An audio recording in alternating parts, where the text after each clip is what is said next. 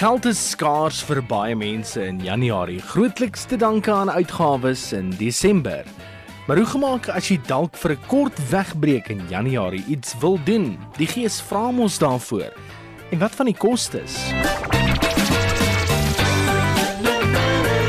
Om vir 'n naweek weg te breek in Januarie is nie maklik nie, maar dit hoef darm nou nie 'n arm en 'n been te kos nie. Jy moet net maklik beplan sê hulle. Die kenners reken wel dat jy as reël nommer 1 duur bestemmings moet vermy.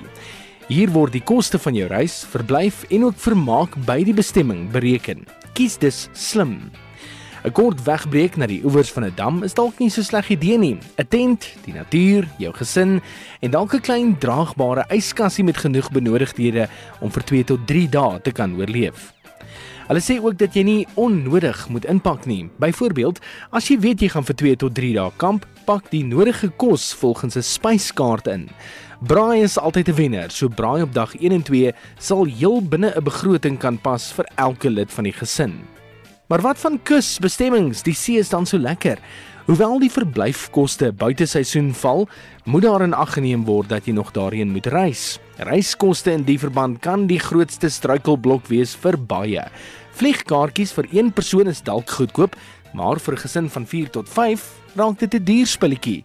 Onthou 'n huurmotor sal ook dan nodig wees om daar rond te rit. En wat van naby die huis?